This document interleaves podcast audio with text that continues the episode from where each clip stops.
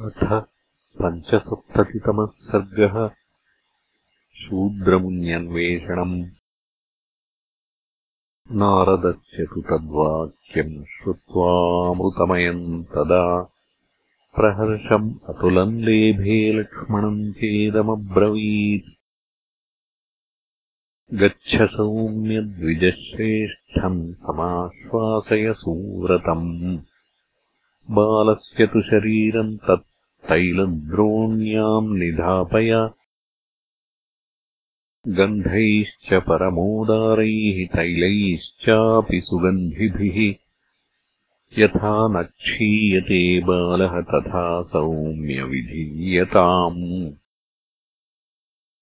यथा शरीरो बालस्य गुप्तः सन् शिष्टकर्मणः विपत्तिः परिभेदो वा न भवेच्च तथा कुरु।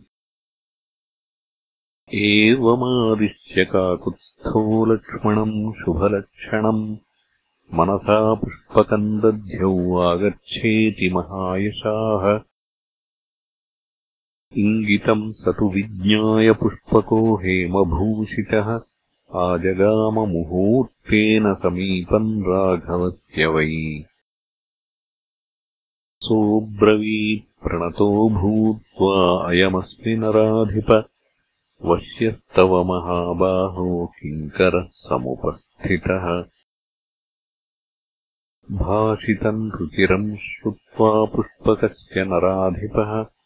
अभिवाद्यमहर्षींस्तान् विमानम् सोऽध्यरोहत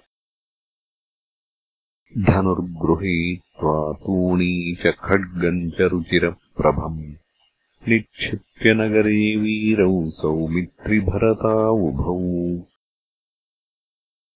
प्रायात्प्रतीचीम् हरितम् विचिन्वंश्च ततस्ततः। उत्तराम् अगमत् श्रीमान् दिशम् हिमवतावृताम् अपश्यमानस्तत्रापि स्वल्पमप्यथ दुष्कृतम्। पूर्वामपि दिशम् सर्वाम् अथापश्यन्नराधिपः।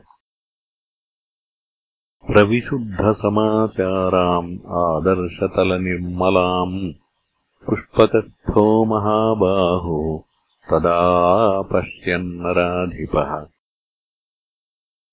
दक्षिणाम् दिशमाक्रामत्ततो रादर्शिनन्दनः शैवलस्योत्तरे पार्श्वे ददर्शसुमहत्सरः तस्मिन् सरसि तप्यन्तम् तापसम् सुमहत्तपः। ददर्श राघवः श्रीमान् लम्बमानमधोमुखम्। राघवस्तमुपागम्य तप्यन्तम् तप उत्तमम्।